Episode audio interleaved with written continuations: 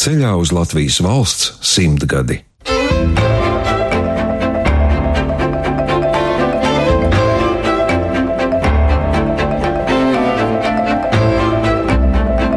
Dzimtas saknes Latvijas Radio 1 Svētdienās 11.05. Es mazliet jūtos kā aristokrāts, jo mans vecāks Induls Zariņš bija rektors un uh, ļoti pazīstams cilvēks kā gleznotājs. Vienīgā lieta, kas var būt, varētu no malas šķist, ka traucē, ir, ka mēģina salīdzināt bērnu ar vecākiem, kas ir mākslinieki. Bet uh, man patiesībā palēmies, ir, ka tā nav bijis.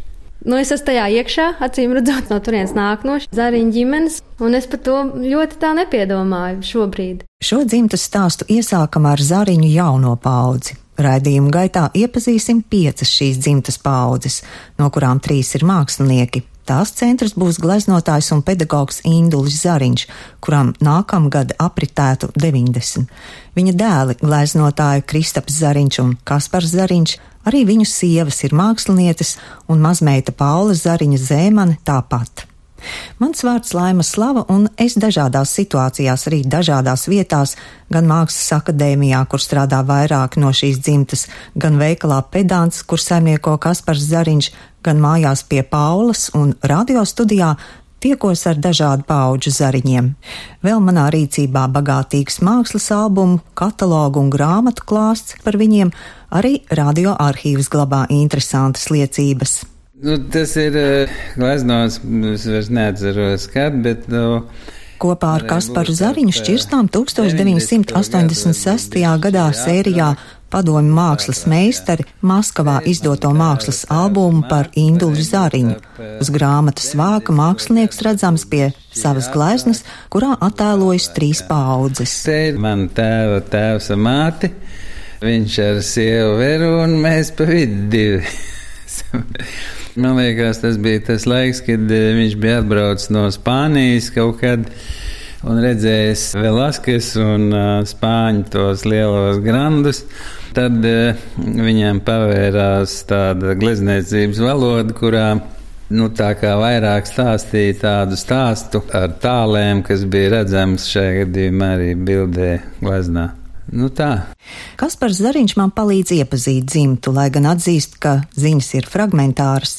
Vispirms par senāko dzimtes pārstāvi Augustu ģedērtu Zariņu, kurš bijis apsviedīgs vīrs ar inženieru domāšanu. Viņš nāk no kalpu dzimtes un ir dzimis vēl aizpagājušajā gadsimtā. 1885. gadā, 22. jūnijā. Un interesanti sakritība, kad eh, pēc zvaigznājiem viņš iznāk, ka viņš ir dvīns, tāpat kā mans tēvs bija dzimis jūnijā tikai 18 un viņš nāk no Jaunsvirlavas, kas pagasta, kas ir pie Leišu robežas. Bārbeles, kas ir bārzeles, es tā to rokrakstu kalpu mājas, dobels apriņķis. Un, uh, no viņa bērnības, tas ir tas, ko viņš mums pats stāstīja. Tad jau viņš bija tāds amatnieks, izdomātājs ar inženieru talantu, bez izglītības, ko es izstāstīšu vēlāk. Jo bērnībā, kā viņš teica, viņš no mātes vērpjumā ratiņu droši vien, pa ko viņš dabūja pa galvu, bija uztaisījis sev velosipēdu no koka un brauca apkārt mužai un kaitināja mužkungu. Tā viņš stāstīja. No viņa mēs esam mantojuši, tā skaitā es varbūt arī tādu amatniecisko prasmi arī savā veidā nelielu biznesa nodarbošanos, jo man ir šis veikals pedants, vai ne, kur es mācu gan gleznot, gan arī man ierāmēšana un krāsveikals eh, māksliniekiem.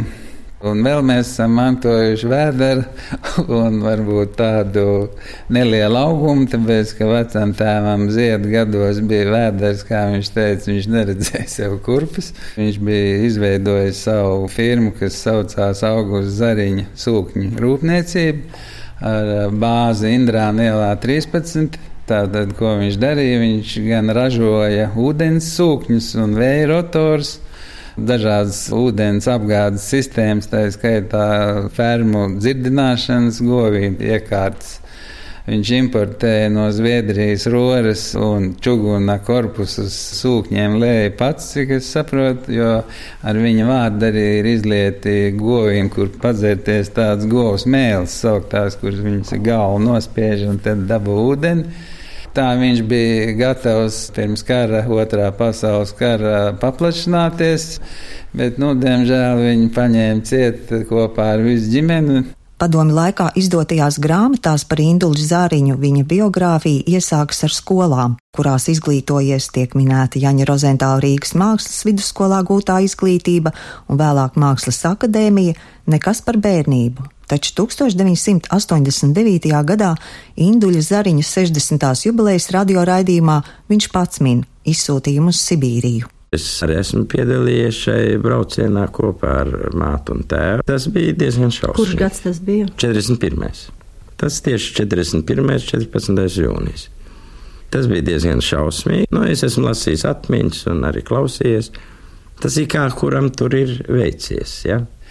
Mans tēvs Induls, tātad viņu izsūtīja, viņam bija 12 gadi. Viņš paņēma makšķeru un fotoaparātu, jo viņš bija vienīgais bērns ģimenē, līdz ar to droši vien izlaists. un viņam bija mantas, kas toreiz, tāpat kā tagad, bērniem kaut ko vajadzēja īpaši. Mātei, kā viņa stāstīja, bija labs čekists, kas atļāva paņemt līdzi apģērbus ko viņi iemainīja, jo viņi paņēma balvas kleitas ar nodomu un kažoku, ko viņi iemainīja pret govu? Un dzīvoja kūtī kopā govi. Viņus jau nometināja pie cilvēkiem, kas bija spiesti paņemt sauktos izsūtītos, un tas bija Narimā, Tomskas apgabals kādu laiku, un tad pēc tiem četriem gadiem, kad vecotēvu atbrīvoja no lāģera, tad eh, viņš sameklēja dēlu un sievu. Un tad viņi dzīvoja komijā APSR Siktif karā. Arī Indulis Zariņš dalījies atmiņās par savu tēvu Augustu. 47. gadā atgriežoties, nevarēja dzīvot ap vecāku Rīgā. Vēlāk tēvam atļāva, un viņš strādāja kuģu remontu rūpnīcā Milgrāvī.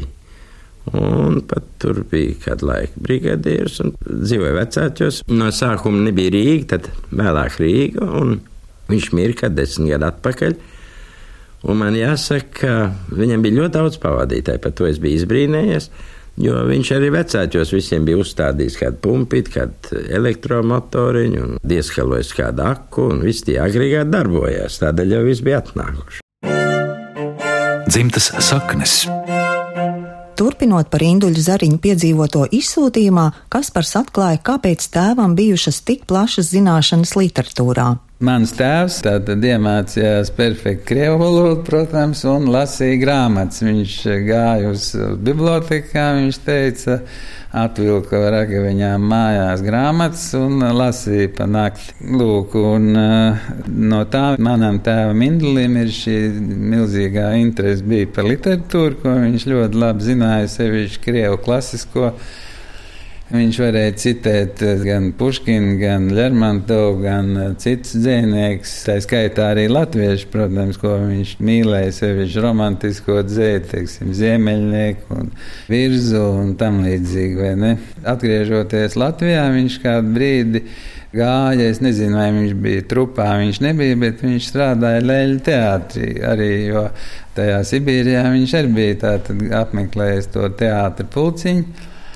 Tādēļ viņam bija skaidra dikcija, par ko viņš mums ar Kristofru vienmēr teica, ka mēs neesam lūk, mācījušies aktieru meistarību, un tāpēc nav dikcija. Bet tēvam bija nostādīta balss, principā kaut gan, ja skatās vecos TV ierakstus, viss tas tembrs un viss ir šausmīgs, bet tas bija visiem skaņa ierakstu kvalitāte nebija pietiekami laba.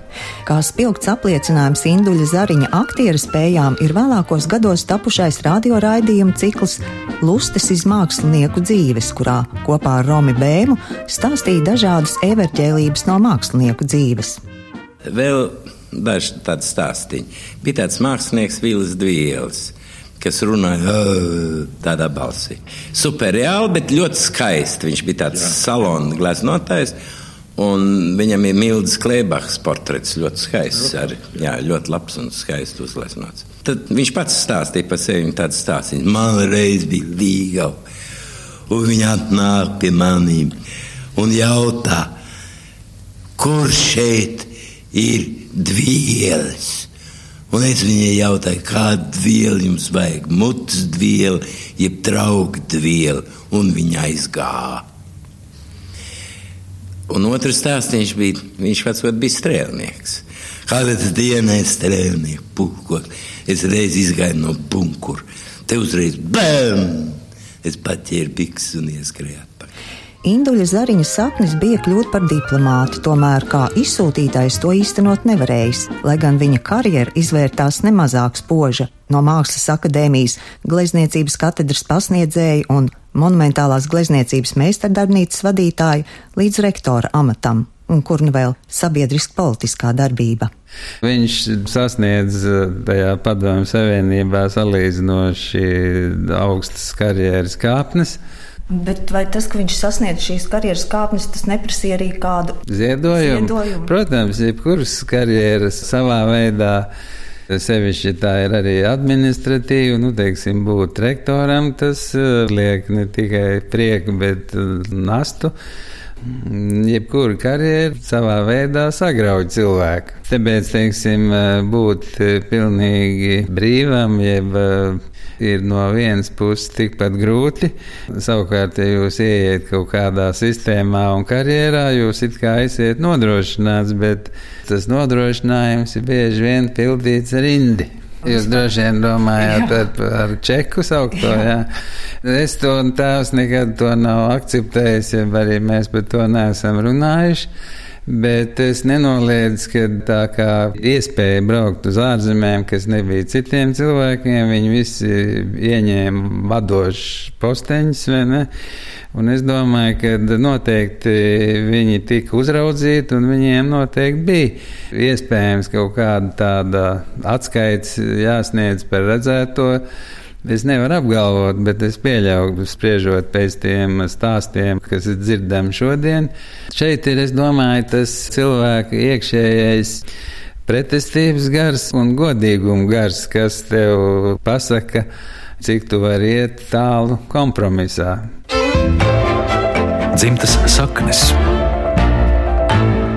Indulis Zariņš Mākslas akadēmijas rektora amatā bijis gandrīz desmit gadus. Šajā amatā jau gadu ir Induļa otrs dēls Kristaps Zariņš. Tieku sagaidīt rektorātā un dodamies uz rektora kabinetu, kas nesen ieguvis pārmaiņas, iekārtots mūsdienīgi ar vēsturiskiem akcentiem, kāds ir piemēram masīvais rakstām galds. Tas, ka mans tēvs pirms tam bija arī rektors, tas jau bija 21 gadu atpakaļ.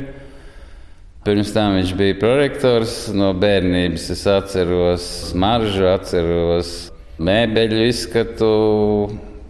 Ir atmiņas, atceros rektoru, kas bija pirms viņa, Svempu, Dišleru, Hiltneru.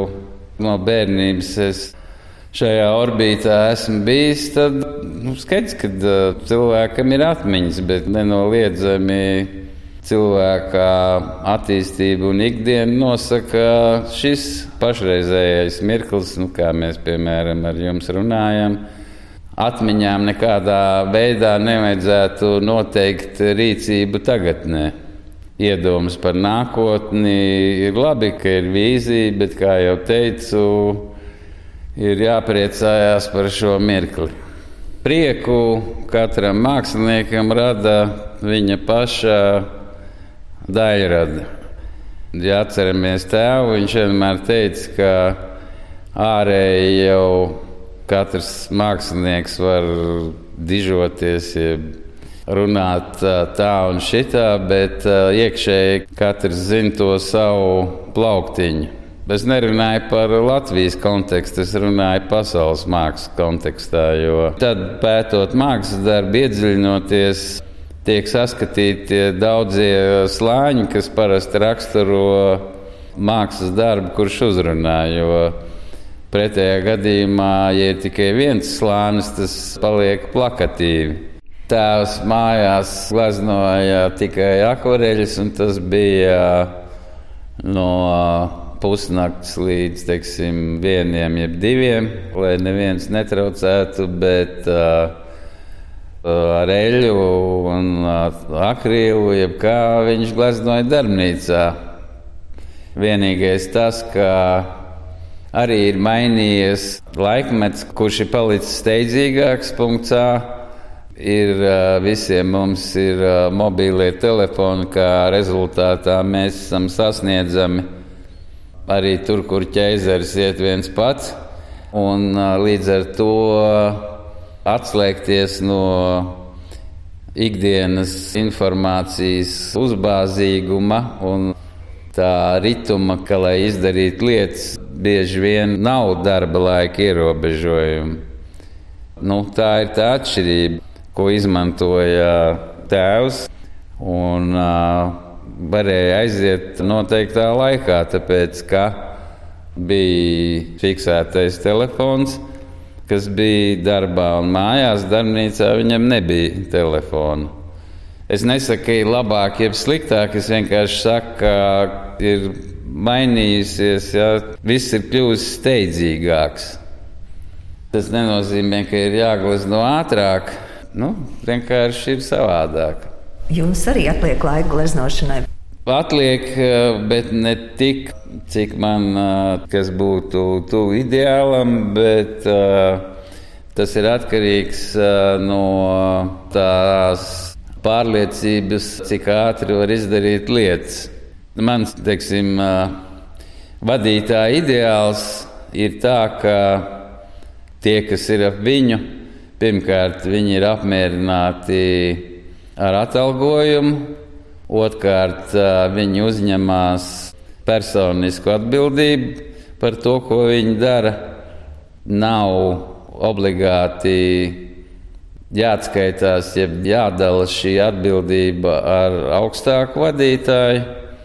Un tas ideāls ir tāds, ka viss ir sakārtots kā šveicis pulkstenis un uh, vadītājs levitē un skatās uz visu to no malas. Tikai vadītājs nevar būt ikdienā apkrauts ar uh, cirvi un āmuri, lai redzētu lietas attīstībai, ir jābūt no malas. Paldies Dievam, bieži sapņos es redzu, ka es lidoju tā. Tā nav lielība, bet tas vienkārši ir. Es pats par to brīnos jo tā ir ļoti laba sajūta. Turpinājumā par zariņu dzimtas sievietēm. Šajā dzimtā ienāk arī poļu lepnums un spīds. Tas nāk no induļa mātes Jadvigas, dzimušas Montvillas. Par to zina stāstīt Kaspars Zariņš. Tēmā tā tad Jadviga uzvārdā Montvilla.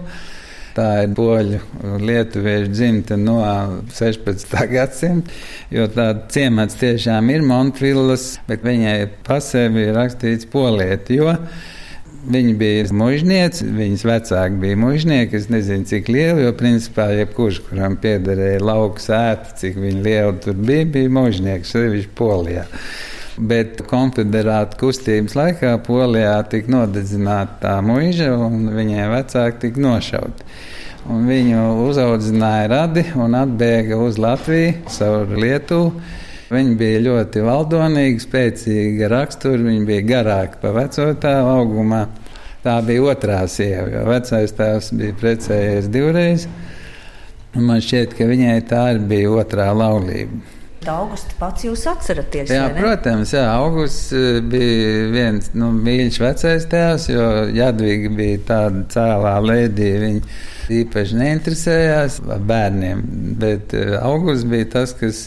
Pirmkārt, viņš domāja, ka mēs būsim amatnieki. Viņš uzdāvināja mums, man liekas, bija desmit gadi tādu katram galdiņu, ko viņš bija uzbūvējis ar instrumentiem, kas mums būtu jāprot darboties. Augusts bija tas, kas faktiski mums veidoja sporta spēles un uh, savā veidā trenēja.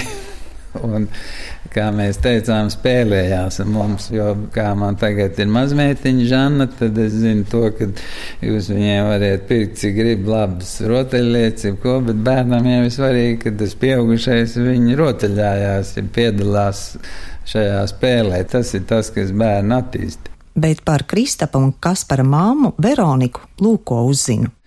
Viņa nāk no vidzemes, jeb vidzemes malas, kas ir Lizums.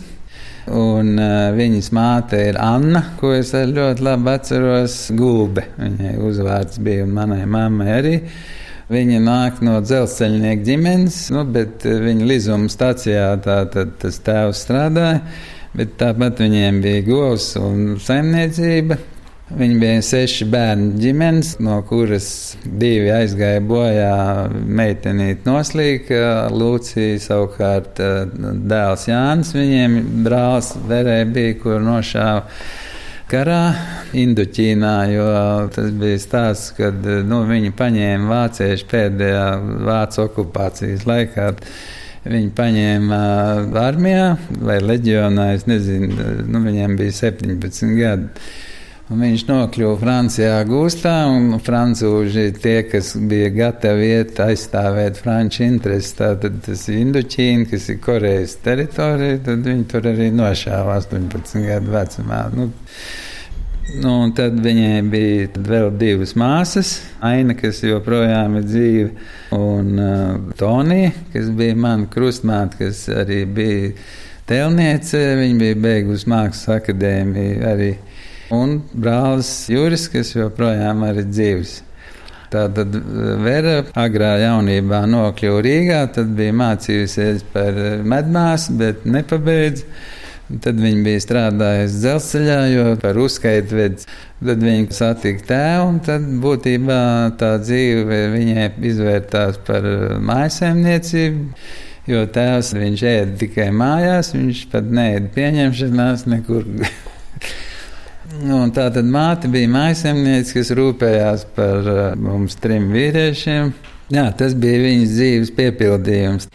Turpinu sarunu ar vidējās paudzes zariņu sievietēm. Santa Zariņa ir Kristapa sieva, tekstilmāksliniece, Viņas interese un darbi āleši saistīti ar modes pasauli, jo tolaik, kad Santa stājās Mākslas akadēmijā, modes nodaļas nebija. Tagad Santa ir Latvijas Mākslas akadēmijas modes nodaļas lektore. Man jāsaka tā, ka es pati nāku no tādas ģimenes, kurā tā dzimtas sajūta ir tik ļoti kopta.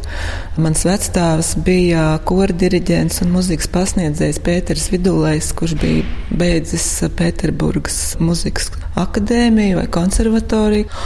Un uh, mans otrs vecstāvs bija Valdemārs Šmits, kurš bija tāds kārtīgs Latvijas armijas karavīrs cauri un cauri. Un līdz ar to ienākot šajā ģimenē, kurā arī tā dzimtas sajūta tiek ļoti kopta un respektēta. Man būtībā tas bija tā ļoti pašsaprotami un loģiski. Protams, ka tas ir atkal kaut kāds cits lauks, un tas ir tāds ap mākslu apvīt, un tā ir pilnīgi cita atkal domāšana un cits komunikācijas veids. Es teiktu, ka mākslinieki viņi ir tādi nešpatnēki, bišķiņi savstarpējā komunikācijā. Protams, ka tur bija tāda bijība un respekts kā pret jebkuru tādu ļoti jaudīgu un spēcīgu kaut kādu parādību. Kristaps ir arī jūs ļoti bieži gleznojis un joprojām to dara. Kā jūs to uztverat no jūsu skatu punkta? Patiesībā man tas patīk. Lielākā dāvana no Kristapa, kas ir bijusi, tas bija mūsu apaļā kāzu jubilejā. Viņš uzdāvināja man izstādi, kurā bija tikai mani portreti ar dažādu pasaules pilsētu nosaukumiem, kā glezna nosaukumi. Man liekas, ka tā ir tāds ļoti augsts novērtējums, ja cilvēks, kurš ir tev blakus, viņš tevi tā kā uzskata par kaut kādu tādu iedvesmojošu parādību. Jūs esat iemūžināti arī visa ģimene. Jā, tas arī bija tāds, ja nemaldos, tas bija tas manu portretu sērijas noslēgumā. Viņš uztaisīja tādu gleznu Happy New Year un izējot no tās aizgāja uz nākamo, kur mēs esam visa ģimene. Es teiktu, ka tas uh, lielākais mūsu kopdarbs ir tas, ka kopš mēs esam kopā, mēs vienmēr kaut ko būvējam. Un remontējam un kaut ko ceļam, un mēs esam uzbūvējuši vairākas mājas un uh, darbnīcas un izremontējuši visu kaut ko. Tā kā jā, es teiktu, ka tas ir tas, tas radīšanas prieks, ka tu vari radīt kaut ko jaunu, vai arī tā kā jūs nākot iekšā teicāt, ka rektorāts ir ieguvis jaunu seju, kur arī es ļoti daudz piedalījos izdomāt un uzprojektēt mēbeles un tās uh, vizuālās lietas. Mums abiem ļoti patīk vecas lietas. Un uh, mēs vienmēr ļoti cenšamies to veco, kas ir skaists, jebkurā vietā saglabāt. Vai tās būtu mēbeles, vai tie būtu veci logi, vai vecas durvis. Šeit tādi jautājumi vispār nebija, ka te varētu kaut ko nesaglabāt, jo nu, šī māja ir tik ārkārtīgi skaista. Un šis rektorāts un viss tā aura, kas šeit ir, tas ir tikai tāds milzīgs izaicinājums to visu attīrīt tā, lai tas uzzīmētu aizied un uzmirdz viss, lai radītu to vidi apkārt tām vecajām lietām, lai viņas uzplaukst un viņas visi pamana uzreiz. Bet no zariņa dzimtas ir kādi stāsti, kas jūs ir iedvesmojuši, vai izbrīnu radījuši, vai vienkārši gribas to pieminēt, atcerieties? Nu, no zariņa dzimtas man tāds ļoti iedvesmojošs stāsts ir Kristapa vecstāvs Augusts Zariņš. Varbūt tāpēc man viņš arī ir tuvs, kā mūsu dēls vecākais ir augusts. Es gan augustu zariņu nekad neesmu satikusi, jo tad, kad mēs iepazināmies ar Kristupu, tad uh, Kristupa vecstāvs jau bija viņa saulē, bet man kaut kā tas viņa vecstāva tēls liekas, ka tas bija tāds ļoti optimistisks, ļoti darbīgs, strādīgs cilvēks, kurš vienmēr no visām situācijām atrada izēju pateicoties tam savam milzīgajam dzīves priekam un optimismam, kas mājoja šajā cilvēkā. Man arī tagad šķiet, ka tie zariņu dzimtas vīrieši ir tie, kas arī dominē, bet kā bija ar tām sievietēm? Jūs taču Vēru, Veroniku satikāt. Jā, man liekas tā, ka tās tandēms starp to Kristapa tēvu un Kristapa mammu bija tāds ļoti interesants ar to, ka Kristapa māma bija ļoti atbildīgs un pienākumu cilvēks pret savu ģimeni. Viņa tiešām ar milzīgu pienākumu sajūtu uzturēja to ģimenes pavārdu. Katru dienu sešos tika pasniegts vakariņas, un ģimenei bija jābūt visiem uz šīm vakariņām. Veriņa bija tāda ar milzīgu atbildības sajūtu pret to savu darbu, ko viņa dara, un tas viņas darbs bija ģimene. Savukārt eh, Kristapa tēvs bija tāds um, ļoti enerģētisks, jaudīgs, spēcīgs cilvēks. Cilvēks, kurš nepielaiž sev klāt un kurš tur visus tādā zināmā distancē, kuru es ļoti respektēju un augstu vērtēju. Un kas man liekas ļoti interesanti, ka Induls caur savām gleznām pielaiž cilvēkus sev klāt. Jo tajās viņa gleznās, nelielā formāta gleznās, tur ir tāda ārkārtīgi skaista romantika un kaut kāda tāda dzīska pasaules uztvere redzama. Viņš arī pats lasīja ļoti daudz ceļu, un viņš viņu arī citēja vienmēr viesībās pie galda. Tā es redzu to viņu tandēmu. Vēl viena dzimtas sieviete, gleznotāja Vija Zariņa, kas par Zariņa sieva. Šī raidījuma tapšanas laikā Vija gatavojas savai personāla izstādēji uzgleznotā daba, tomēr atrodam laiku sarunai par dzimtu. Jāpiebilst, Vija uzvārdu nekad nav mainījusi. Es esmu dzimusi Zariņa, jo mani vecāki ir uzvārdā Zariņa. Un ar šo mākslinieku zariņu ģimeni es iepazinos stājoties Rozentāla mākslas skolā, iestāja eksāmenos. Un tā kā es iestājos, un Kaspars iestājās, un Kristaps iestājās, tad mūsu ceļš kaut kā sāka ritēt paralēli. Mēs viens otru zinām faktiski no piektās klases. Īsi pirms tam vēl no iestāja eksāmeniem. Un tie, kas mēs esam palikuši mākslā, četri cilvēki no visa kursa un klases, Tas ir Normons Brasliņš, Kristaps Kaspars un es. Mēs faktiski mācījāmies, tā kā zariņi to teikto, tā kā izfiltrēt caur uh, abiem puišiem. Tāpēc, ka pirmkārt bija grāmatas, Viņiem mājās, ko viņi arī nesa, un ko varēja redzēt, teiksim, ciemos aizejot, varēja pastīties grāmatas, kas tajos laikos nebija tik daudz. Un visi tie stāsti par tām ārzemēm, un viss tas tomēr fascinēja. Faktiski arī saslimdināja ar to glezniecības to bacili. Iestājoties akadēmijā, Induls Zariņš bija arī mans tiešais pasniedzējs. Un es arī viņu izvēlējos um, laikā, kad varēju izvēlēties iet pie Boris Bērziņa vai pie Induļa Zariņa. Es izvēlējos Indulu Zariņu. Man viņš kaut kā uzrunāja arī kā personība, kā cilvēks, kas daudzās lietās iedziļinājās. Viņš bija informēts, jā, arī literatūrā, un viņš bija daudz lasījis. Krievu literatūrā viņš varēja būt speciālists, jā, tāpēc, ka viņa dzīve tā bija iegrozījusies. Jā, neapšaubām viņš bija ļoti spilgta personība, ļoti šarmants cilvēks, kas par to piedomāja. Tagad es iegāju ģimenē, es viņu redzēju gan mājās, un es redzēju, kā cilvēks sagatavojās, kad viņš iziet sabiedrībā, jā, un cepur nost. Es neesmu viņu redzējusi tādu nošņurkušu, un, nu, kad dzēra, tad dzēra, kā visi normāli cilvēki mākslinieki, bet, nu, viņš sevi ļoti kopa ne tikai fiziskā, bet arī garīgā izpratnē.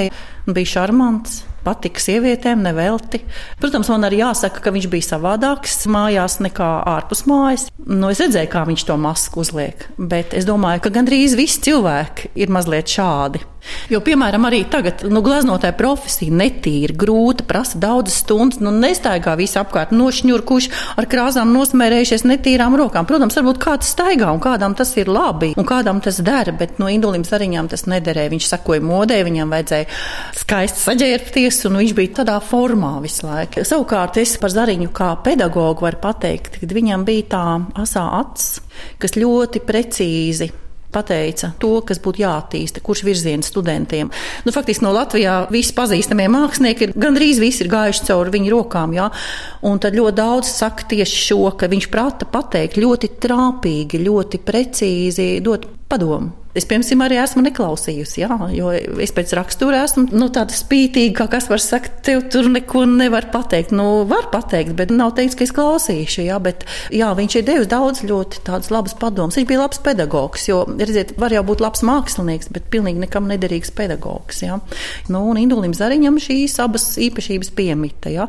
Bet viņa darbnīcā neesam viesojušies. Jā, viņš kaut kā tā turēja to savu darbnīcu tādu kā savu celi bija. Ja? Tas nav tā kā mēs ar Kasparu, ka mums bērni uzaug darbnīcā. Nē, tas bija tā savādāk, jo mēs gājām tādu pilnīgi tādu citu. Mūsu ģimenei cits vienkārši modelis, jā, pilnīgi cits. Jā, bērni uzaug darbnīcā. Tas ir normāli, bet jocīgi man tas tagad liekas. Lai būtu miers, lai es varētu pagleznot, es meitenēm iedevu no būvniecības pārpalikušos dēļus, un naglu kaudzīti un āmuri. Un viņas abas divas sita naglas, lielā daudzumā tajā dēlītī, nu, taisīja tādu mākslu, var teikt, jā, pēdiņās. Un es tajā troksnī blakus gleznoju. Es vienkārši tagad nesaprotu, kā es varēju. Tāpat kā es nesaprotu, kā es viņas abas divas varēju ar tiem ratiem uzstiept augšā piektajā stāvā bez lifta. Es nezinu, kā to var izdarīt, bet tā lūk ir jaunība. Ja? Jo es tagad skatos, kā mazmeitiņa Žanna, ja, kad viņa jāpieskata. Es nesaprotu, kā es izaudzināju divus bērnus, jo es tik ļoti par visu tagad uztraucos. Tik ļoti, ka nenokrīt, ka nesasīt. Pasarg Dievs kaut kas. Nu jā, un tā kā man meitene bija jau paaugušās, jau gāja skolā, jau man nāca pēkšņs piedāvājums no toreizējā rektora Jāņa Androša strādāt akadēmijā. Tā ir vietā, lai es teiktu, jā, jo tas nebija naudas darbs, tas bija goda darbs. Jā. Arī tagad savā veidā tas ir gods, es uzskatu, pasniegt Mākslas akadēmijā. Nu jā, un tad sākās atkal mana karjera, ja, tādā augstskolas pasniedzēja nozīmē. Dzimtas saknes. Un nu par jauno zariņu paudzi. Kristapam Zariņam ir divi dēli, Augusts un Jākaps, Kasparam meitas, Marta un Paula. Un to mākslas līniju turpina vairāk eh, mūsu ģimene, kas ir es, Vīja Zariņa un mums divas meitas, Marta un Paula Zariņa. Marta vairāk bija orientēta uz dizainu un savā īsajā mūžā faktiski arī izdarīja labas lietas. Saslimstot depresiju, šķīrās no šīs dzīves nestoties uz panākumiem, kas ir jocīgi. Savukārt Paulā ir optimistisks bērns, arī egocentriskā uz savu mākslu. Un mums ir mazmeitiņa, un cerams, būs vēl mazbērni. Te jāiestarpina, ka Marta studēja vizuālo komunikāciju Latvijas Mākslas akadēmijā un grafisko dizainu Barcelonā. Viņas darbi tika novērtēti arī starptautiskā līmenī. Viens no lielākajiem sasniegumiem bija uzvara pazīstamajā pulksteņu firmas Swatch dizaina konkursā. Viņas dizaina ideja bija uzvaras kliedziens. Bērni ģimenēs tas stārķis viņus atnes, lai izglītotu vecākus, un tas, ka bērni viņiem ir tēva, jeb mātes balss, jeb uh, viņu gaita ir līdzīga vecākiem, jeb vēl kādas lietas, kur viņi līdzinās vecākiem, īstenībā tam nav nozīmes. Jo tāpēc, ka normāli būtu tā, ka tāpat kā labs pedagogs, viņš neuzspiež savu redzējumu, bet attīstā studenta redzes loku tā, kā labāk ir jaunajam varonim, tāpat arī vecākiem būtu jābūt tik atvērtiem un attīstītiem, ka tie neliek savu iedomu, neizdarīto darbu, slogu, ka to viņi neuzspiež izdarīt savām atvasēm. Tāpēc, ka mēs katrs atbildam par savu darbu, rīcību, domām. Mēs ienākam vieni, bet šajā gadījumā mēs ar brāli ienācām divi. Vienīgais ar piecu minūšu atstarpi, bet tā piecu minūšu atstarpe ir arī tā, kāpēc mēs katrs esam pats, pats un pats. Un tas, ka cilvēki mūs jauc, ir nevis tāpēc, ka mēs esam līdzīgi, bet tāpēc, ka cilvēks domā pats tikai par sevi un viņiem ir pilnīgi vienalga. Un nu vārds Zariņu jaunajai paudzei. Augusts Zariņš, Kristapa vecākais dēls, studējis vizuālo komunikāciju, taču tagad nodevies inženieru prasmēm. Sarunā atklāja, ka viņam vairāk patīk klausīties nekā runāt un tā kā Augustam dots vecvectēva vārds, tad ar to arī sākam. Es zinu, ka viņš bija inženieris un viņam piederēja vēja rotoru un sūkņu fabrika. Man viņš vienmēr ir kā cilvēks, ko es lieku par piemēru sev, jo es mācījos kā mākslinieks sākumā. Bet tad es studijas pametu un sāku pats pašmācības ceļā mācīties skaņu sistēmu dizainu. Tā kā tas ir saistīts arī tas savā ziņā inženieru darbs. Tad es ļoti novērtēju to, ka mans vecvectēvs arī bijis inženieris, un uh, mans otrs vectēvs atkal ir bijis būvinženieris, un uh, tas man ļoti palīdz. Es būvēju skandas, latviešu tas saucās šargons ar tumbas, bet latviešu saucās skandas, un es pats arī viņus izstrādāju, un arī veidoju konceptus un tad pērku skairuņus. Es ļoti ilgu laiku pavadīju, kamēr es iemācījos to skaņas, akustisko dizainu. Bet, kad es to esmu apmēram apguvis, tad es tagad ļoti domāju par vizuālo noformējumu, jo tas man ir vistuvākais. Un kāpēc tā māksla tomēr tika pamesta? Es vienkārši pametu studijas. Es mākslu neesmu atstājis pašu novārtā. Es gan gleznoju, gan arī tas, ko es Rīgas dizaina un mākslas vidusskolē iemācījos vidus dizaina nodaļā. To es tagad cenšos tajās skandās likt iekšā. Es mazliet jūtos kā aristokrāts, jo mans vecāks Induls Zariņš bija rektors un ļoti pazīstams cilvēks kā gleznotājs. Un uh, mans tēvs atkal uh, visu laiku uh, viņam ļoti patīk tās uh, antīkās mēbeles un visādas antīkas tādas lietas, un viņš daudz par to interesējās.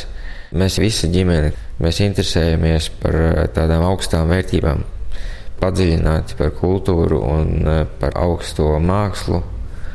Un uh, es atkal interesējos arī par dažādām garīgajām praksēm, un tāpēc es cenšos sevi ļoti pilnveidot, un mani vecāki arī to pašu dara.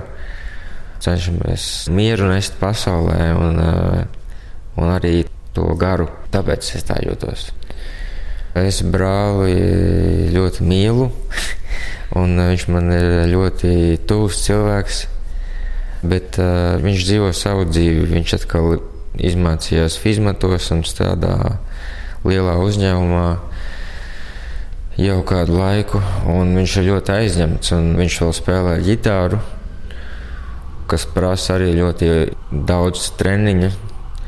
Tāpēc mēs tiekamies reti, bet mēs, teiksim, es viņam palīdzu atkal no savām inženieru prasmēm viņa dzīvē kaut kādu riteni salabot vai kaut, nu, tādas lietas.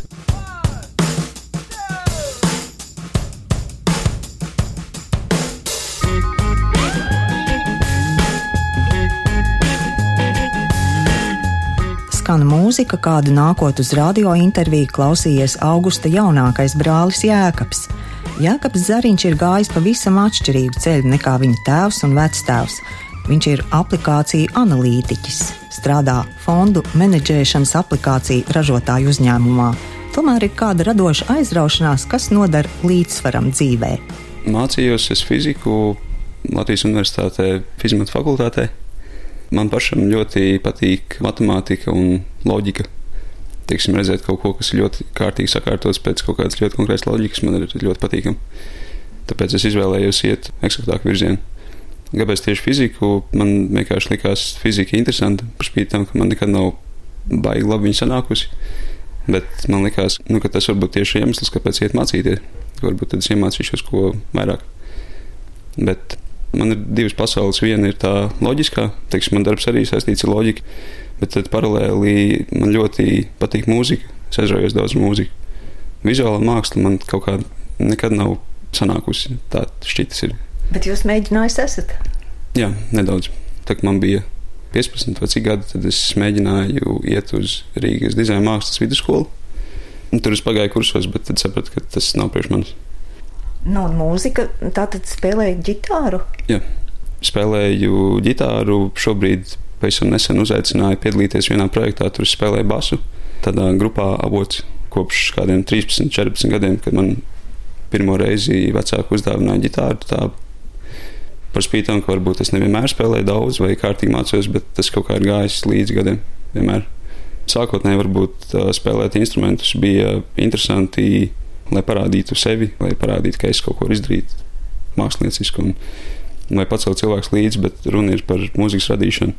Ka nav tik svarīgi, cik labi vai slikti spēlē. Galvenais ir, ka nostādījums ir radīt mūziku, kaut ko, kas skan labi visiem.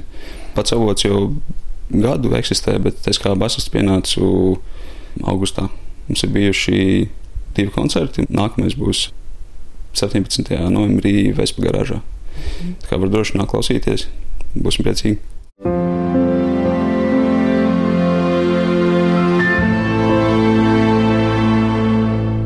No bērna kājas man vienmēr bija apkārt uh, mākslinieki. Es esmu kā bērns bieži bijis mākslas akadēmijā.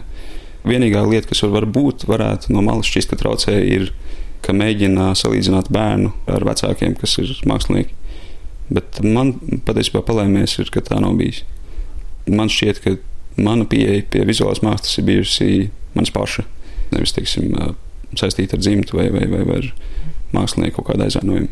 Ja jūs aiziet uz savu vecāku vai Kasparu vai Vīzes zariņas izstādi, tas es ļoti priecīgs redzēt, kā viņi aug, kā viņu māksla attīstās. Tāpēc, es atceros no, nu, ka es biju ļoti, ļoti maziņš, kā izstājās viņu darbu, kā viņi izstāsta tagad. Varētu teikt, man ir tā priekšrocība, ka es viņus pazīstu jau no, no bērnības. ja tad es varu Es varu salīdzināt, es varu pētīt, kā tie cilvēki attīstās. Tas man liekas, beigas forši. Es pats atceros tikai vienu epizodi ar Induli. Principā vienīgā atmiņa, kas man ir, man aizstāv. Es biju mazs, mēs ēdām brokastis, un es gribēju ēst uh, brokastu pārslis lielā, lielā bļodā. Man iedod maz bļodu. Es biju neapmierināts, jo es gribēju lielo bļodu, kā liels pieaudzis puisis. Indulis domāja, nu, nu kā, bet šis mazs, nu, taču nepēdīs to lielo bļodu. Tas teica, ka nē, nē, es esmu liels puisis, apēdīšu man iedeva tās pārstas lielajā bļodā, es viņas nepēdu, un tad es raudāju. Induls bija dusmīgs. Bet no tās atceros, ka Induls likās tāds ļoti tieši cilvēks. Ja viņam liekas, ka kaut kas nestrādās vai strādās, tad viņš to arī pateica. Cik es atceros, man šķiet, ka viņš, viņš teiksim, nebaidījās pastāvēt par savu viedokli. Bet es nezinu, kā viņš komunicēja ar cilvēkiem. Es nepiedalījos tik daudz tajā dzīvē. Bet no tās mazās epizodes jā, likās, ka viņš nepiemēro cilvēkiem modeļus, ka cilvēks ir cilvēks visiem jātiecās ir vienādi. Paula Zariņa Zēmane mani sagaida kopā ar Žānu, kurai gads un divi mēneši. Mazā būs klātesoša un dzirdama. Dažbrīd viņas pirkstiņi aizskārs mikrofonu, dažbrīd Žāna dāvās kādu sev svarīgu lietu vai ieskandinās rotaļgrāmatu. Ko sniedz mākslinieku dzimta, ikdienā Paula par to nedomā. Tomēr brīdī, kad bijis jāizvēlas, ko darīs tālāk, tad gan. Es varu par to domāt, tad, kad bija jāizvēlās, ko es darīšu dzīvē. Nu, kā, vai es sakošu pa pēdām, vai meklēšu kaut ko citu, tad tajos mirkļos kā, to analizē tās situācijas. Es pabeidzu franču liceju, matemātikas klasi ar domu, ka es iešu uz arhitektiem. Tā sakritība bija tāda, ka Arī arhitektiem vajag zīmēt, un es sāku mācīties zīmēšanu. Un tad kaut kā soli pa solim nonāca arī pie glaznošanas, un tajā brīdī es sapratu, ka kaut kas nav tā izvēle. Tā kā speciāli neiet uz akadēmiju, bija tādēļ, ka eh, bija bažas vai nu, bailes par eh, nu, tieši tām pēdām. Nu, es paziņoju, ka es gribu iet uz akadēmiju, tas bija nu, jā, pirms vasaras, un iestāju eksāmenu vasarā. Tad viņi man ātri uztaisīja mājas apmācības kursus, kas man jāiemācās, lai tiktu akadēmijā. Zīmēt, es biju gājis mācīties, kluso dabā, es pusfigūru nebiju zīmējis. Tad man mamma pauzēja un teica, rādīja, kā jāglazno. Pēc tam es pasaucu draugus, lai papozē. Tā es koncentrējusies, nebija kā iestāja eksāmenos akadēmijā. Lūgt atcerēties kādus ģimenes stāstus, Paula min vecstāvu Induli Zariņu. Opaps, viņš mums badmintonu mācīja spēlēt eh, šāhu, viņš iemācīja. Viņš īstenībā bija ļoti mīļš vecētiņš. Viņš, eh, Es atceros, ka katru reizi, kad viņš brauca mājās, mēs dzīvojām vecāķos, ir divas mājas, un tur dzīvoja arī vecmāmiņa ar, ar opapu. Un katru reizi, kad viņš atbrauc mājās, mēs ar māsu taisījām vaļā vārtiņas viņam. Un par to viņš mums vienmēr atved kaut kādu Coca-Cola vai ko tur. Viņš eh, baigi īstenībā iedziļinājās. Mēs spēlējām, teiksim, kioskos, ko visi bērni dara. Un viņš vienmēr nāca un pirka kaut kādu avīzi vai ko mēs esam no viņa mājas paņēmuši. Jā, es atceros, jā, to, ka viņš mācīja badmintonu. Viņš bija tāds profs stāvēja pa vidu laukumam, mēs skraidījām pakaļ tai bumbiņai. Viņš vienkārši stāvēja un atcita visas. Viņš nodarbojās, jā. Viņš neveltīja tik lielu uzmanību saviem dēliem, kā es tā nu, tā, tā teica, saka, jā, ka viņš sevišķi uz mazmeitām esot izpaudis savu eh, mīļumu vai kā to teikt, jā. Kad jūs sapratāt, ka viņš ir tiešām izcils mākslinieks? nu, ar to arī tā, ka pie sienām stāvēja vienmēr viņa gleznas. Un tās gleznas ir manī tagad tik ļoti, nu, tāda tā kā atmiņa. Es nedomāju, ka es bērnībā sapratu, ka viņš ir kaut kāds lielais meistars. Es atceros, ka viņš bija gājis akadēmijā, viņš jau tur bija rektors. Taču. Bet uh, bērns jau, man liekas, tādas lietas ļoti neapzinās, kas ir kas. Un, uh, to apzināšanos uh, tas ir tikai tagad, kad es pieaugu. Un, uh, un par to mākslu bija interesanti, ka tie darbi visi liekas tik pazīstami, gleznas tieši. Bet interesanti bija tas, ka es eh, uzgāju viņa akvareļus, ko es nebiju redzējis, kas nebija ierāmēti pie sienām, bet eh, mapītē bija akvareļi. Un, kad tos es ieraudzīju, tad es biju pārsteigts. Jo to es nebiju redzējis bērnībā, ar to man nesaistījās. Tā nebija bilde, ko es zinu no galvas. Tas bija kaut kas jauns. Un tur bija interesanti, ka tur es saskatīju līdzību ar saviem darbiem. Un tad es sapratu, jā, nu, varbūt kaut kur ir tās saknes tomēr tā noskaņa, un tur viņam bija tādi cilvēciņi un figūriņas, un, eh, un tāds akvarelisks tāds eh, nekārtīgums, un eh, kaut ko es tur pazīstam ieraudzīt tajā visā. Tas bija tā interesanti. Teicis, man ir glaznojis maziņu. Un tā glazūra izskatās precīzi. Tagad žāna ir tāda. Mēs atradām to glazūru, un tur ne, nu, bija pilnīgi žāna. Tad jau nevajadzēja žānu. jā, ne, jā, mēs tieši iesmējām, ka tas pats. Vai jūs tagad varat aktīvi būt arī kā mākslinieca? Zinu, gan ka izstāde laikam vēl ir, vēl? ir kāda jā. skatām. Jā, es varu, jā, kas ir diezgan patīkami. Mainās lietas, bet tādā ziņā, ka es neesmu pazudusi ar to, ko es daru vēl. Es gan, kad es biju stāvoklī, uztaisīju izstādi. Un tad es priecājos, nu, kad es esmu uztaisījis kādu laiku, varēšu nestrādāt, drošības labāk, kad, ja nu es tiešām nevarēšu laika dēļ. Bet rekā viss samanedžējās, man vīrs palīdzēja Māma ar tēti arī pieskatot bērnu un uh, izstādi ir, jā. Un tad vēl plānoja Valmierā maijā. Kā jūs pati atceraties to, ka bijāt maza, ka māma strādāja? To es ļoti labi atceros, jo nu, mēs kaut kur aiz muguras tur dzīvojām, un es vēl atceros, ka viņi arī deva mums krāsas. Un uh, es vēl knibināju no viņas glaznām. Viņa kādreiz biezi ar špakteli glaznoja, un tur tā kā paliek tāda krāsas kalniņi. Un es tos kalniņus ar māsu knibinājām nost, tik, cik mēs sapratām, cik drīkst, cik mēs nesabojājām gleznu. Tā mēs tā neuzkrītoši paknibinājām. Un es domāju, ka Žanna, ka viņa paaugsies, un tad varēs sarunāt, ka viņa sēž aiz muguras un tur darbojās. Jo viņa jau, viņai jau ļoti interesē, viņa grib visu to pašu darīt, ko mēs. Un es jau viņai tagad iedevu akvarēs pamēģināt pazīmēt, un viņa normāli sēž un šmurgājās. Sarunas laikā jau notiek vēl citas paralēlās darbības ar Žānu. Viņa man iedod savu plasmas, kā izrādās kaklarotu, kas bērnībā rotājas Paulu. Vai cik tev ir skaists kariklis? Tas ir pie tā manējais no bērnības. Jā. Tur viņa attaisa vaļā un tur ir istabiņa lellē. Man liekas, šo man ir teica mamma veids no kaut kādām ārzemēm noteikti. Jā. Žanai ir mammas rotaļlieta. Gumijas kaut kāds kaķis, kas ir vispār tik vecs, cik mana mamma. Ah, mēs vēl atradām, ko opaps bija veidis man. Kristība kleita, bet viņš bija atvedis viņu pa mazu. Un uh, es nevarēju viņu uzvilkt toreiz, bet viņa vēl stāv. Bet mēs tagad pavēlu izvilkām viņu, un uh, Žāna jau ir izaugusi no tās kleitas. Tā kā, tā kā visādi brīnumi ir atrasti arī ar opapu, kas saistās. Kā jau tas notiek, piemēram, arī ar mūsu bērniem, mēs jau viņus tāpat pat īsti nestimulējām tieši otrādi, lai viņi nodarbotos ar mākslu. Bet es domāju, ka tas iedzimst ar mātes pienu un tā viss, jo tā savā veidā brīvdomība, savas pasaules veidošana, tas ir ļoti kārdinoši, acīm redzot. Bērnībā jau to tā nesaprot, bet cik var redzēt apkārt, tad tās mākslinieka dzimtas ir ļoti izteikts. Vai ne šajā gadījumā mans tēvs, viņiem nav šī background, tad viņš radās kā tāds, vai ne? Izskan raidījums par Zariņu dzimtu, par māksliniekiem, pagaidām trijās paudzēs. Zariņu dzimtas stāstos ieklausījās Laimas Lava, par skanējumu rūpējās Valdis Raitums, producente Santa Lauga bet kā svarīgu secinājumu un būtisku piebildi šī cikla raidījumam sniedz Kaspars Zariņš. Ja mēs skatāmies mākslas vēsturi, tad Mocerti, Beethoveni, Bahi. Tas viss tās ir dzimtas. Tāpat arī vizuālajā mākslā. Vaiet, amerikāņu mākslinieki dzimta trīs paudzēs, ir brēgeļi vairāk, ir holbeini vairāk, ir tā kā mēs varam saukt un saukt, nestoties Latvijā kur ir uh, mākslinieki dzimts ļoti, bet tieši tāpat ir uh, doktora dzimtām, kā stradiņi, piemēram. Ja. Tādās ir veselas mafijas, ja tā ņem. Gan tāpat ir zinātnē, zobārstniecībā, visur, kur. Tā kā es domāju, ka faktiski tā ir vērtība. Šī pēstniecība un dzimtas ir tā, uz kuru pasauli balstās.